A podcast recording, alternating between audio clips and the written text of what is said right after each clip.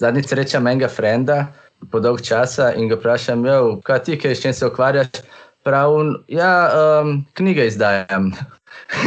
tako, ok, hudo, kako pa to pač poteka. Pravi, ja, na Amazonu. Veš kaj, jaz imam pač nek algoritem, ki pač gleda, kje so full bestselleri in potem on najame prek Fiverja nek folk ki samo v bistvu vzame te, to podobno temo, spiše na, na novo, veš, kot prepišeš uh, nalogo domačo v srednji šoli, in potem on izdaja to in targetira tam na, na te iste neke keywords. In pač model tako živi od tega. A ni Fakt. to noro, stari? To je pa čisto noro. To je kar en tak nov segment tega izdajanja knjig, ki je tako v bistvu to. Um, na eni strani je to pač nek, neka kultura, umetnost, neka neko pisanje, na drugi strani pa to sam biznis. Hasel, ja. Quick, quick buck. Čekaj, ampak jaz nečesa ne razumem. Ampak kdo te knjige napiše, program? Ne, ne, ne, program vidi, kje so najbolj iskani neki keywordi. Ampak to so take neumne knjige, kot recimo napotki za uh, Windows XP ali pa ne vem, neka, um, recimo, da bi bila astrologija. Uh, astrologija ali pa nek vodič po Ljubljani, a veš neke take zadeve. In mm -hmm. potem on to najame neke, eh, na Fiverju, nek folk, ponavadi so to iz neke jugovzhodne Azije. Ne? In oni to vzamejo, neke knjige, ki so že bile napisane, iz tega sestavljajo nov tekst, ki je originalen, v narekovajih, ne? in on potem to sprinta in prodaja. Fak, fenomenalno. Odličen uh, biznis model. Ampak se, a ni to, pač mislim, ta krovni uh, problem kapitalizma, ki je pač, mislim, ta hiperprodukcija, kar nečesa, pač delo za brezveze. Zato, da pač imaš ti lahko denar za preživetje, pač moraš nekaj delati, pa tudi če noben nima nič od tega, pač od tega noben nima nič, razen on keša. Pač ta folk, ki to piše, se nima dober, tako folk, ki to prebere, za najbrž tudi nima fulno, a veš, pač ni nobene dodane vrednosti, sam keš. In se mi zdi, da je pač, v bistvu, ja, kakšna čudovita alegorija, najlepša hvala za to. Mislim, da, to, da, da vsi te poklici, ki so v tej uh, piramidi, spadajo boljši job. Ja, ja. ja. Bring, bring to front. Bring, bring, bring to front.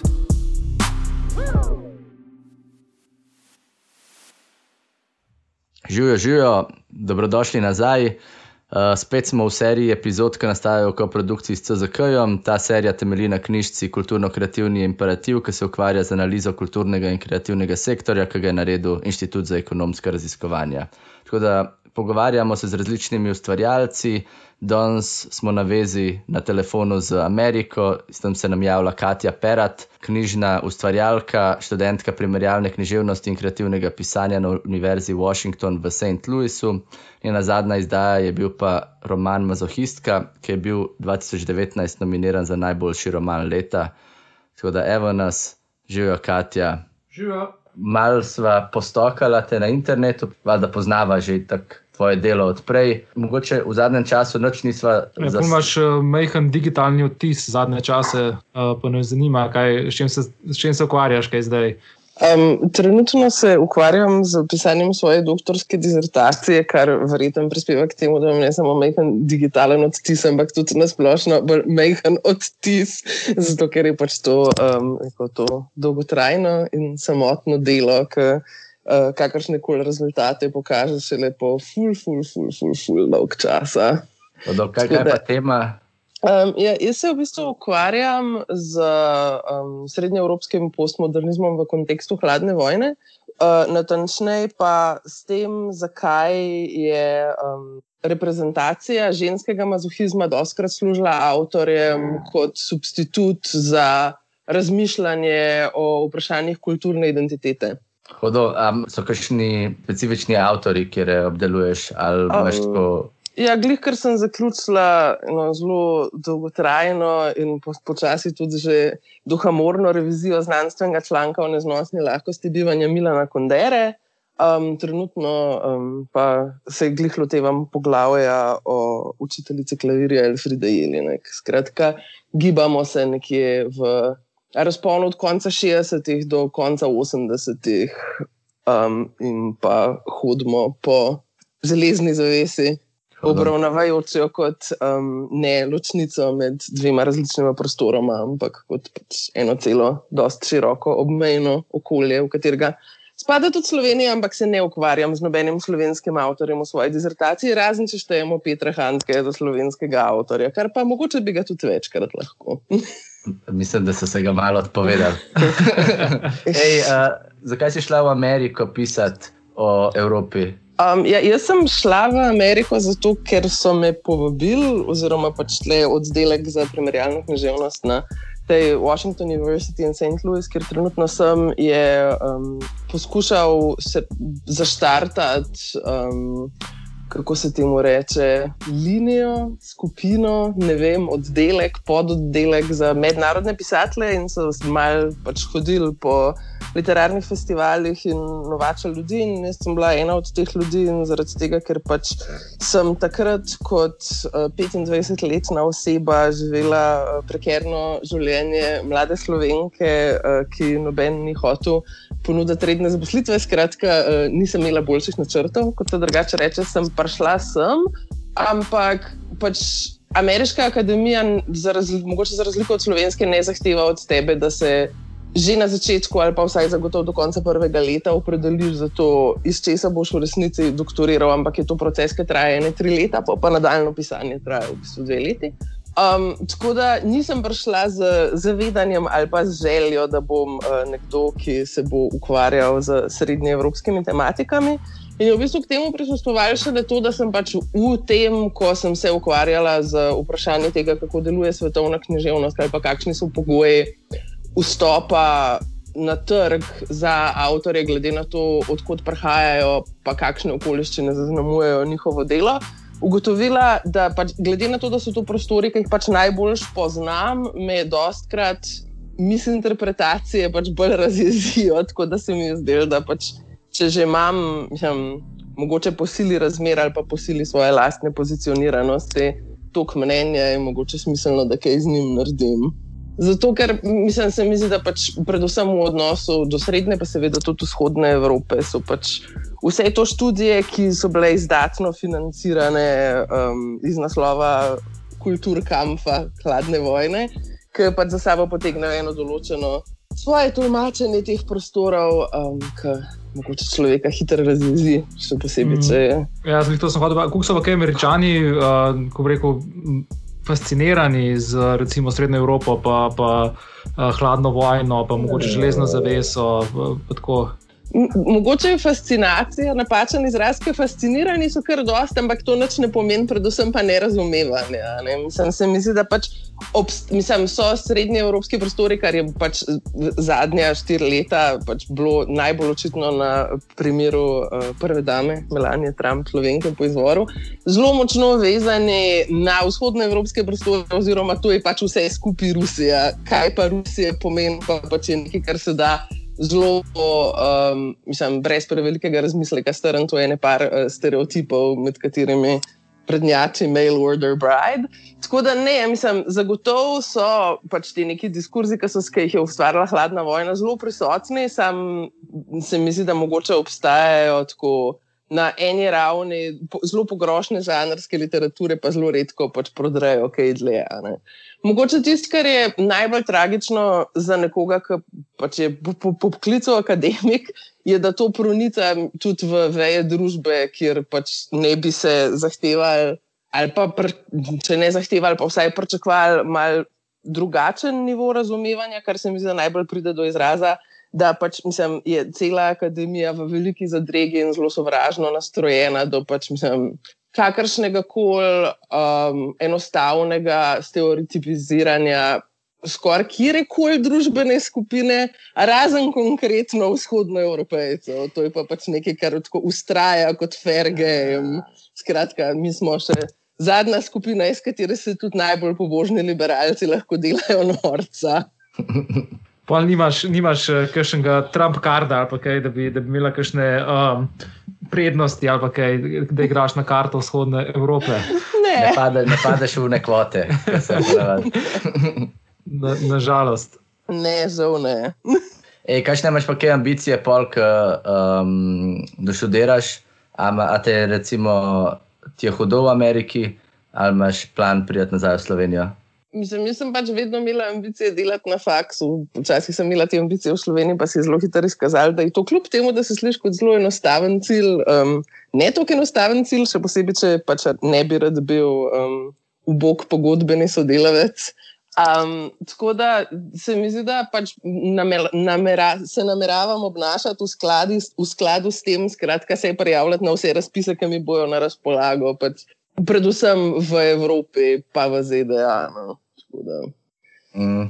Kaj je pa kaj, ta cela situacija v Ameriki, se pravi, mogoče iz naše perspektive, zgleda tako, kot da je Amerika prišla do enega tega, da je unlockala nov level. Culture warov, se pravi, vse to, kar spremljamo na Twitterju, kar se dogaja v, v medijih, v politiki, s Trumpom in po Trumpu, in cela ta volilna, volilni spektakel. Uh, Kakšni so bili tvoji feelingi, ki si to spremljala, mogoče z, neke take, mogoče z nekim zavedanjem nekega Balkana, kjer so te stvari malce bolj normalizirane? No? Ma ne vem, meni se zdi, da pač se ne dogaja to samo v Ameriki, ampak da se pač dogaja globalno. Mislim, se mi zdi, da je, pač, da je Slovenija pri tem dosti neistelna. No. Da se mi zdi, da smo pač dosti časa pač tolerirali drsenje diskurza, ful, ful, ful, daleč, dokler ni pač postal, ful, mislim, skoraj ne mogoče ljudem povedati, da na ene načine pač res ne moreš govoriti. Ne, mislim, mislim, zdaj, mogoče v mislih najkonkretneje uh, Normo Korošec, ki je rekla, da te kar takoj označijo za rasista, če rečeš, da um, ni razlik med IQ, mislim, da, da so razlike med IQ in med rasami. Tako da ne vem, meni se zdi, to, to bom zdaj z analogijo. Ne? Mogoče najlažje objasnila, ker je pač to, zakaj smo prišli do tega, da je, si je v Ameriki tako težko zamisliti um, zdravstvo, ki ni pač plačano iz privatnih virov. Je, se mi zdi, da pač, če pustiš eno situacijo, pač drseti tok delč, pa da to eskalira, pa da se ljudje že tok navadijo, pač recimo, da se pač tako kot tukaj. Ne? Tudi zdravniki pač že prvadijo zaračunavati ene določene cene, pa se pač potem zavarovalnice prilagodijo na, na te cene, pa zaradi tega pač pacijentom ne omogočajo pač, mislim, več za resnega zavarovanja. Pa če tega nisi tako takoj ustavil, tako je to prvemu človeku padlo na pamet, je polk, ki so že vsi navajeni na to, da stvari pač tako so, je ful teže zaustaviti konje. In se mi zdi, da se pač to dogaja na ravni pač celotnega političnega diskurza, zaradi tega, ker pač smo toliko preveč časa ne bili pripravljeni pač uporabljati besede fašizem. Jaz se še zelo, zelo dobro spomnim tega, kako smo v zgodnih 2000-ih, pač vsakeč, ki je kdo o čem govoril, kot o fašizmu, tako vsi ful, dosti hitro skočili na to, da joj, pa mogoče je treba razmisliti, da ne bomo zdaj vsega enačili, ker mogoče so različne stvari. Pa pol besede pač zgubijo pomen, ker pač je ta inflacija, bla, bla, bla, bla. bla. Pa slaba strategija je bila to, no. zelo slaba. Ej, veš, kaj me zanima, kot nekdo, ki se ukvarja tako zelo veliko z jezikom. Zakaj se ti zdi to drsenje tega političnega diskurza, čist v, v slogovnem smislu, da to rata potem sistemski problem? Zaradi tega, ker meni se velikokrat zdi, da je to lahko sam estetski problem. A veš to, da nekdo govori na nekdo, kar, ne vem, recimo Evo Trump. Ne, zato, da uporablja drugačne besede, pa začne govoriti folku, da so neumni, pa jih označuje za ne vem kakšne izraze. Bi rekel sam, ok, sej folk je to vedno v politiki govoril, samo za kamufliruje v nek bolj prijazen jezik. Ne. On je pa v bistvu kao razgrnil to zaveso in pač njegovi podporterji so fulno navdušeni, da je povedal tako, kaj je. Ne. Ampak zakaj se ti zdi, da potem ta um, sprememba tega jezika, kot si rekla, drsenje na vzdolj, kako ima to potem posledice za normalne ljudi?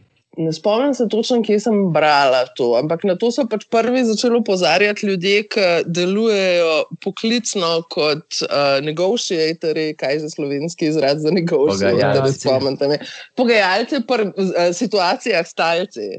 Da pač, mislim, je od tega, za katero besedo se boš odločil, ful pogosto odvisen. Um, kakšen bo končni rezultat. Pa kadar je pač situacija tako zaostrena, da je pač končni, končni rezultat pač to, ali nekdo umre ali preživi. Se mi zdi, da pač je to ful, najbolj očično odločujočega pomena, ampak v resnici pri političnih vprašanjih gre zelo pogosto za to, a nekdo umre ali preživi, samo da se to manjuje. In se mi zdi, da je pač, mislim, ker estetika ne, je pač, mislim, sama po sebi kot. In disciplina, in pač materialno dejstvo, nekaj, kar je fulj tesno povezano s čustvi, čustva pa fulj močno vplivajo na to, kako se obnašamo. In se mi zdi, da tudi če pač ja, nekdo govori ene stvari, ki so same po sebi malce sumljive, ampak hkrati pa niso izrečene na ta način, da v drugih ljudeh aktivno vzpodbujajo ena čustva, ki pač bojo prevedla do mislim, potencialnega nasilja. Je to vse glede drugače. Lahko je še vedno obsojanje vredno, ali pa mislim, nekaj, o čemer bi mogli pre, pač predebatirati, ampak se mi zdi, da je to, mislim, koliko uh, potencijala za motivacijo, pač en določen govor ima mislim, še vedno bistvenega pomena. Mislim, da je nekaj, kar pač zareže eno bistveno ločnico. Evo, moja replika je bila na to, da tako malo kritično. V politiki, čist tehnični politiki Bidna in Trumpa, na koncu, kaj bodo rezultati v nekem socialno-ekonomskem smislu, ne bojo bistveno drugačni. Zaradi tega, ker pač imaš na koncu, sploh v Ameriki, nek ogromen aparat državni, ki uh, regulira ta njihov kapitalizem da ostaja lih tok neoliberalen, kot hočejo, da je. Ne? Se pravi, da iste interese zagovarja. Samo vprašanje je, kje je industrija, bo industrijska panoga. Ne, ne, ne. Zanima me, zakaj recimo je ta um, mogoče bolj politična desnica tok zagrabila za ta uh, politično nekorekten govor. Če mogoče pogledamo nazaj, je 50-70 let, je bila v bistvu to bolj orodje uh, politične levice, to, da je uporabljala pač ta nek politično nekorekten govor, ne? bolj vulgaren. Ta, zdaj, kako se to dirtbag left je ja. izraz? Ja. Jaz pa ne vem, če mi ta paralela ustreza. Mogoče gre za to, ker gre za to, o čem se pogovarjamo, pa na kakšen način. Pa se mi zdi, da levica, ful redko, ne glede na to, o čem govori, poskuša verbalno komu oduzeti človeško dostojanstvo. Pa, pač, mislim, pač, še, levica je pač vedno ena politična veja, ki tudi kadar ful preklinja, se pač v principu bori za mislim, dobrobit največjega števila ljudi.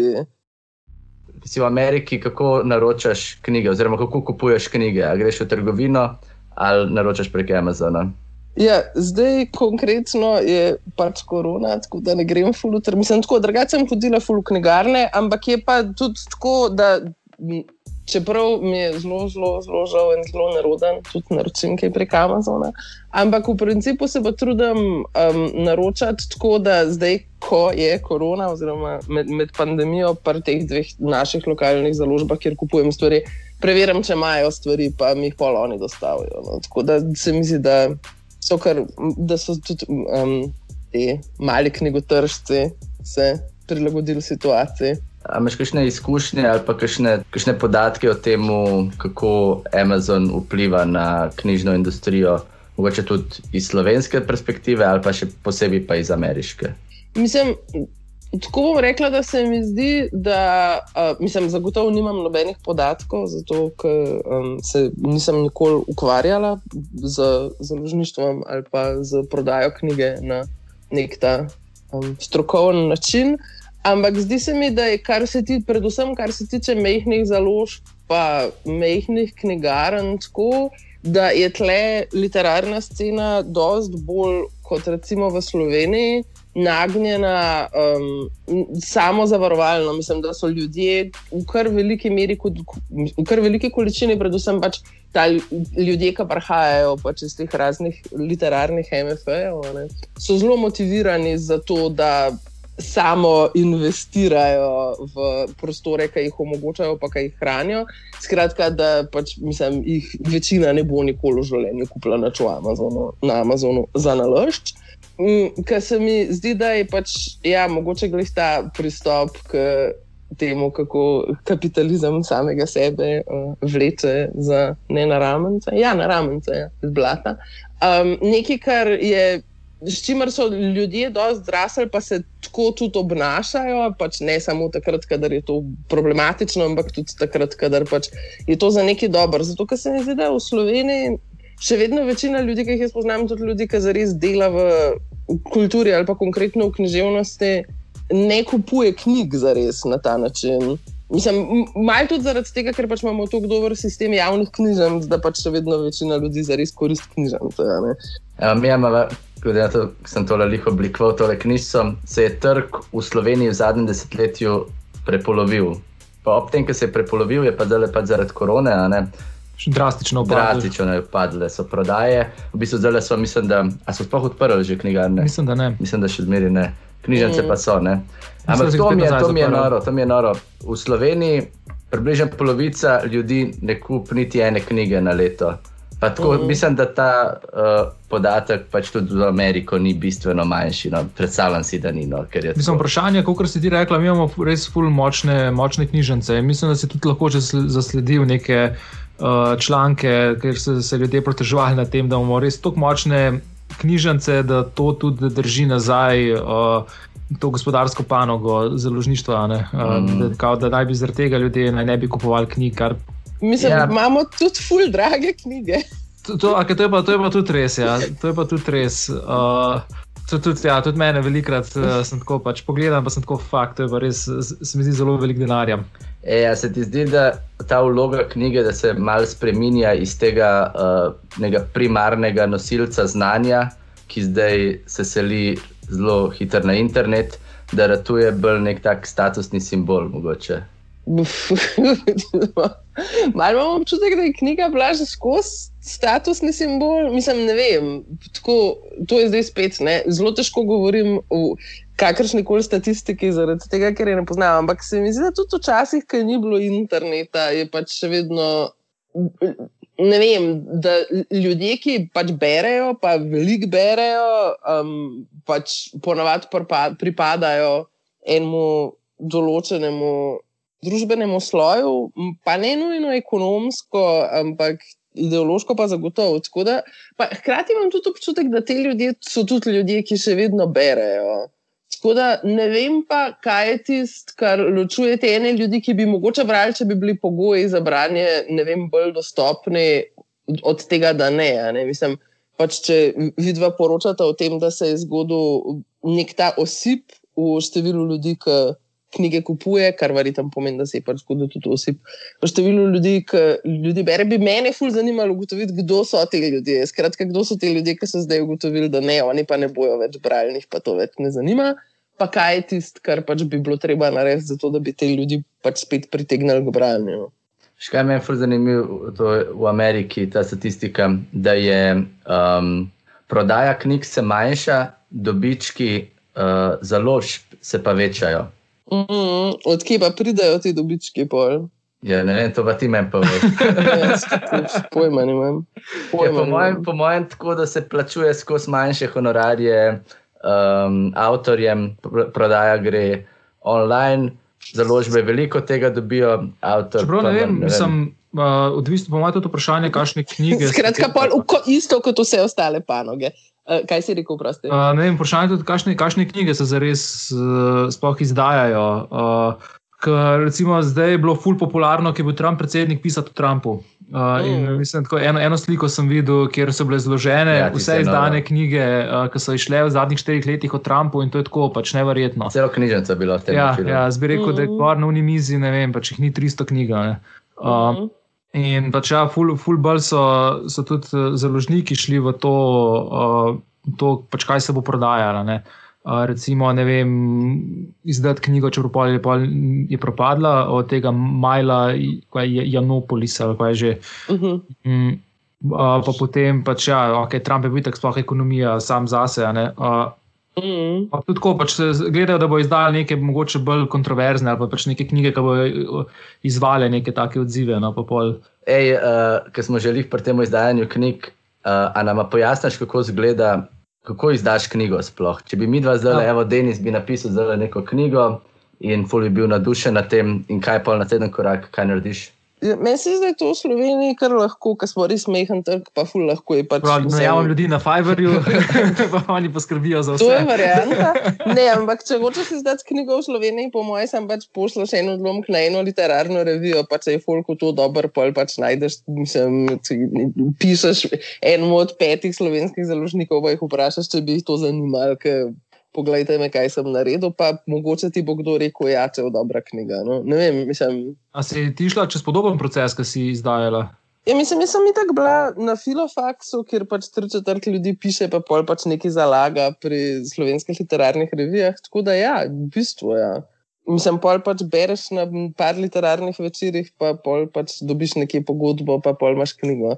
Se, zato je pa, mislim, pa, v bistvu tudi večina ljudi, ki jih poznam, ki izhajajo iz pač mehkih jezikovnih kultur, ima podobne izkušnje, ker so to tako mehke scene, da mislim, je pač to, da imaš knjigo, ki je založena, v bistvu ful enostaven proces, sam hkrati pa tudi zaradi tega ful težko občutiš kakšno resno čustveno vrednost pri tem. Mislim, tako ni občutiti to kot življenjski dosežek. No. Ej, kako je izgledal proces, ti, ki si dobila, mislim, kaj založnika, uh, si imela pa tudi urednika, kakšnega, kako je bilo s tem? Pa imela sem tudi kakšnega urednika, čeprav bom rekla, da urednikovanje v Sloveniji je tako bolj ta uh, proces postavljanja vec. No. Mislim, nisem mi še nikoli zgodil, da bi karkoli objavila kjerkoli v Sloveniji, pa da bi šlo to skozi, mislim, uredniške posege na ravni tako velikih vsebinskih predlogov, velikih vsebinskih sprememb. No. A v Kaj Ameriki si imela kaj, kakšne take izkušnje? Ja, mislim, jaz sem pač zdaj uh, v. Kot sem že prej omenila, ravno zaključila proces revizije znanstvenega članka, kjer imajo pa ljudje zelo, zelo, zelo, zelo, zelo veliko mnenja o tem, kako morajo stvari biti.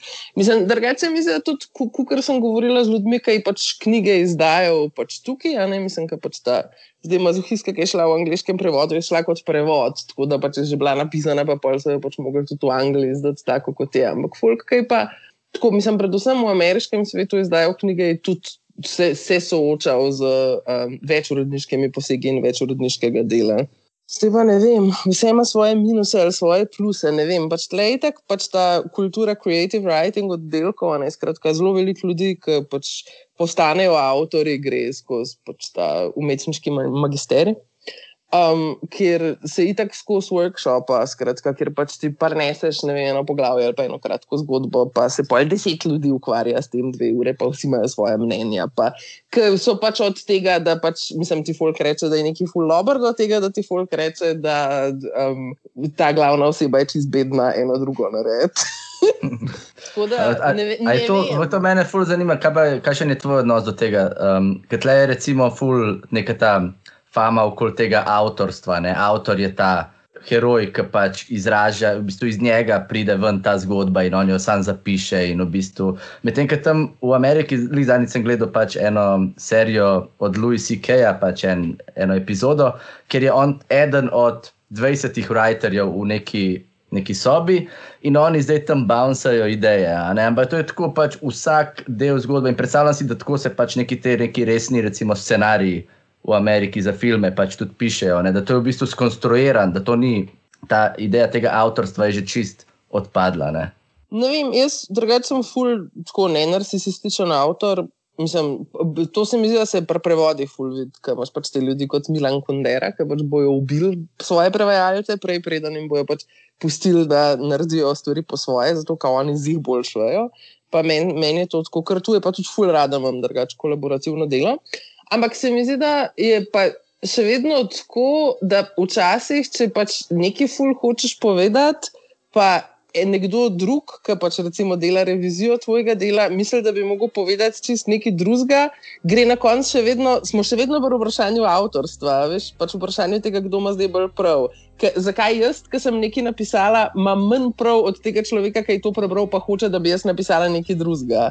Se mi zdi, da smo zelo hitro pri tem, pa ti svojo knjigo pol napiš, pa ti povej. No? Se, se mi zdi, da pač so ful tako no, razlike.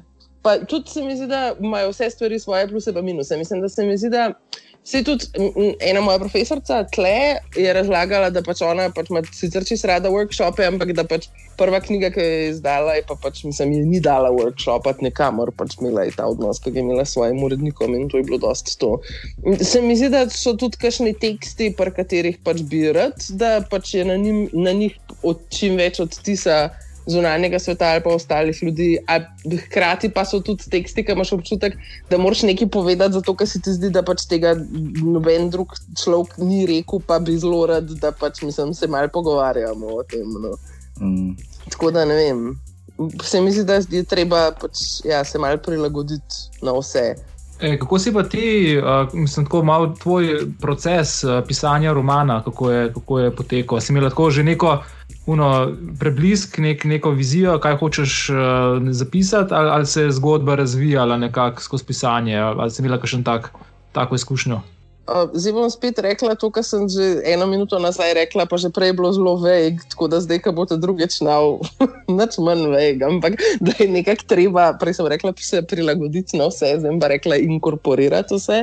Ker se mi zdi, da itak te stvari, ki so v tej knjigi, tri četrt, je to pač nekaj stvari, s katerimi sem se ful ukvarjala že prej. a ne. Pa pa, mislim, na različne načine, na različnih koncih, pa pol sem sam pač enkrat se zbudila, pa ugotovila, da v bistvu spadajo skupaj, pa da pač je to, mislim, en ta roman, ki ga lahko pa tudi hočem napisati. Pa je bilo pa tako, da je bilo vse skupaj neka ta čudna kombinacija tega, da sem pač, mislim, ful metodična, pa ful moram imeti vse strukturiran, pa da polka se tako zelo metodično pa strukturiran tega lotam, ugotovim, da pol itak to vse poplavlja čez vse te strukture in pač dobi neko svoje lastno življenje. Ampak ne vem, vem, da sem zagotovo začela tako, da sem si pač naredila te, mislim, storyline, pa kaj hočem povedati tem, pa kaj hočem povedati z unim, pa pol je to bilo na neki razpredelnici, na eni točki, na enem listu, pa skratka zelo tako, no, mislim, rudimentary digital humanities. Mu rada rečem. Sam pol pa pač začneš pisati, pa ugotoviš, da ene stvari, ki si jih prej mislil, sploh ne morejo biti tako, kot si jih prej mislil. Zaradi tega, ker pač, če hočeš slediti temu, kar se pač v tvoji glavi zdi konsekventno, pol pač to res ne more biti dekar tako. ne. Tako da ne vem, se mi zdi, da je ja, malo kombinacija metodičnosti pa tega, da pač pustiš stvarem, da pobezlajo. Okay, zdaj, če te vprašam, eh, kaj je razlika, mislim, je, je razlika med pisanjem romana in pisanjem poezije, bomo še spet v, ta, v isti odgovor. Ne, to- pa je ful jasen odgovor. Poezija je pač takoj narejena. Ne, mislim, se mi zdi, da je pač poezija res ta stvar, ki sem jo jaz fulkrat pisala, zaradi tega, ker sem imela tako kakšno res fuljasno misel ali pa fuljasen občutek. Pa sem jih hotela pač pokloniti malo konteksta, pa jo pač pihniti v svet. Mislim, se mi zdi, da je roman en drug del, no, pa da ene druge stvari hočeš, vsaj jaz hočem, očitno izraziti. Mislim, da, da, da je roman bolj posledica tega, da pač hočeš na ne vem, primeru enega dogodka ali pa life ali pa česar koli razmisliti ene koncepte. Skratka, ja. Sej, v bistvu jaz imel prav, ne bom več bolj pameten, kot povedala, ker že prej, ker v bistvu sem povedala, pa je to, da je poezija manjša od proze. Ej, uh, naj, najbrž, Amazing insight. ej, najbrž nisi imela nobene knjige uh, oziroma kakšnega dela cenzuriranega.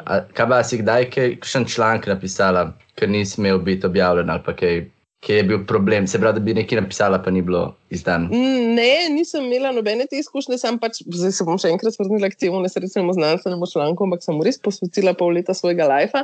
Je, da se, če uh, poskušaš uh, pisati, mislim, ustvarjati teorijo na področju Srednje Evrope, pa te um, tvoji reviewerji detektirajo za prevelikega komunista, bojo hoteli, da to omitaš. Tako da tem sem se morala ukvarjati, kako izražati svoje uh, prepričanje na način, da ljudje uh, ne bojo pa jezni ali pa užaljeni. To, ampak to je zdaj, ja, no. Ne bi človek prav temu rekel cenzura, bolj sam gatekeepanje, I guess. Da. Ej, um, prej smo ful govorili o teh nekih malce bolj takem, uh, mogoče pesimističnem pogledu na celo to stro, stroko. Uh, uh Mhm. -huh. Obstaja še en pogled, mogoče tle iz, predvsem iz slovenske perspektive, ki je malce bolj pozitiven in sicer pač knjige in tisk je najbolj uspešna od uh, slovenskih kulturnih sektorjev. Uh, v bistvu tudi Po čem zaposlujejo pa, mir, po čem pa mirta po, po uspešnost? prihodku, po prihodku okay. Od prodaje in pa največ zaposlenih ima v bistvu. No, va, valamo se v denarju. Valate se dalje. No, in to, je- ja, to je moje vprašanje. In so, v bistvu v Sloveniji celo ta sektor je bolj uspešen kot od evropskega povprečja, kar je kar. Kar je kaj? Ampak mene zanima, če se te uspehi čutijo v tej sceni in če so te rezultati potem tudi enakomerno distribuirani čez celo, um, se pravi, celo Lahko dejavnost. Veš kaj je, meni se zdi, da je pač največ ljudi zaposlenih, je, tudi, mislim, mal, mislim, je že fajn, samo malo je tudi vrljivo, pač zaradi espeizacije, pač, mislim, celega kupa poklicev, med drugim tudi novinarstvo, tako da pa imaš pač cel kup novinarjev, ki pač poskušajo pisati na način, da imajo lahko status samozaposlenih v kulturi, zato da imajo pol krite prispevke, zato ker premalo zaslužijo, da bi si kot samostojni novinari, ki nimajo kritih prispevkov.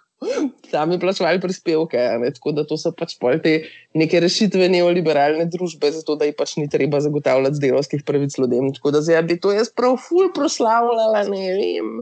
Um, kar se pa denarja tiče, pa tudi ne vem, kdo to sluša, jaz ne. No? Tako da, ko ga najdete, mi povejte. Mislim, domnevam, da je moški, če pa ni, pa bom prijetno presenečena. Je po mojem neki te lastniki založb. Ne? Ja. Ne vem, tako si predstavljam po neki tej hierarhiji, kako ponavadi delujejo v ostalih podjetjih. Si predstavljam, da bi mogli biti tako. Ja, mislim, če so tudi ti ljudje vključeni v te številke, zagotovo ja, je to zagotovo res.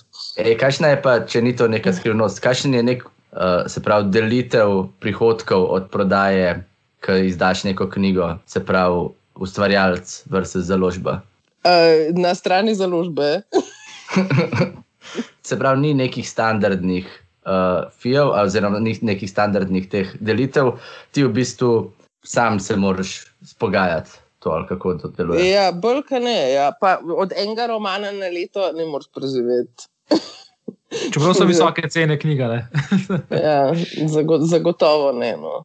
Mislim, Ja, tako so- niti približen.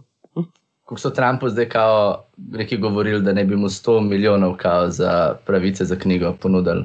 A ni bilo nekaj tasga? Ne, Ja. a, najboljši biznis model, skoraj tako dober, kot unka tiska knjige. Ja, se ne bi se čudil. Uh, verjetno, kakšna Simon Schuster uh, založba. Ja, ali itak kaj. da oni. Mm. Mm, mm.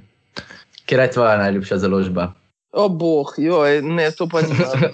To pa res Ne? nimam. A Ne. nimaš, ker recimo v, v glasbi imajo, ne, če si tako ful butični, ta uh, uh, poslušalec glasbe, imajo vsi neke te svoje najljubše založbe, neke underground mikro. Death Row. Ja, ja, neki tako. Jaz sem, uh, mislim, tako slab commodity fetišist. Jaz To meni pa to mi pa res ne pomeni tako nič. Mislim, nimam teh tako my hipster pics. aha, da, da bi rekla, Mislim, ja, ne, ne. Go to. Go to. A imaš najljubšo naslovnico mogoče? Oh my god. Če Ne. tle, z dizajn področja. Ja, ja to, je- zdaj izpolnjujemo dizajn kvoto. Nekaj to pa, mislim, to pa ni tako, da. Ja, mislim, zihar mi je bila kdaj kakšna naslovnica všeč, ampak zdaj se ne, tako ne spomnim nobene. Recimo tam je fulgarda, gledamo učiteljico klavirja v angliškem prevodu z nekim uh, modernističnim insertom, kdo je to, to najbrž neka slika. No, vsekakor to, da daš neko random sliko, pa gor en grd font, mi ne odgovarja. Jaz tudi nisem fan, jaz ful nisem fan teh uh, preveč ilustriranih knjižnih naslovnic. Ful bolj mi sedajo te neke tipografske ali pa tako nek tak enostaven, Jaz sem bolj, bolj fan tega. Ja. Jaz sem se glihkar spomnil na Sam Revere, ki je en angliški, bil je pesnik, zdaj glih prvi roman izdal, je imel eno pesniško zbirko Kim Kardashian's Wedding, ki mi je ful dobro naslovko.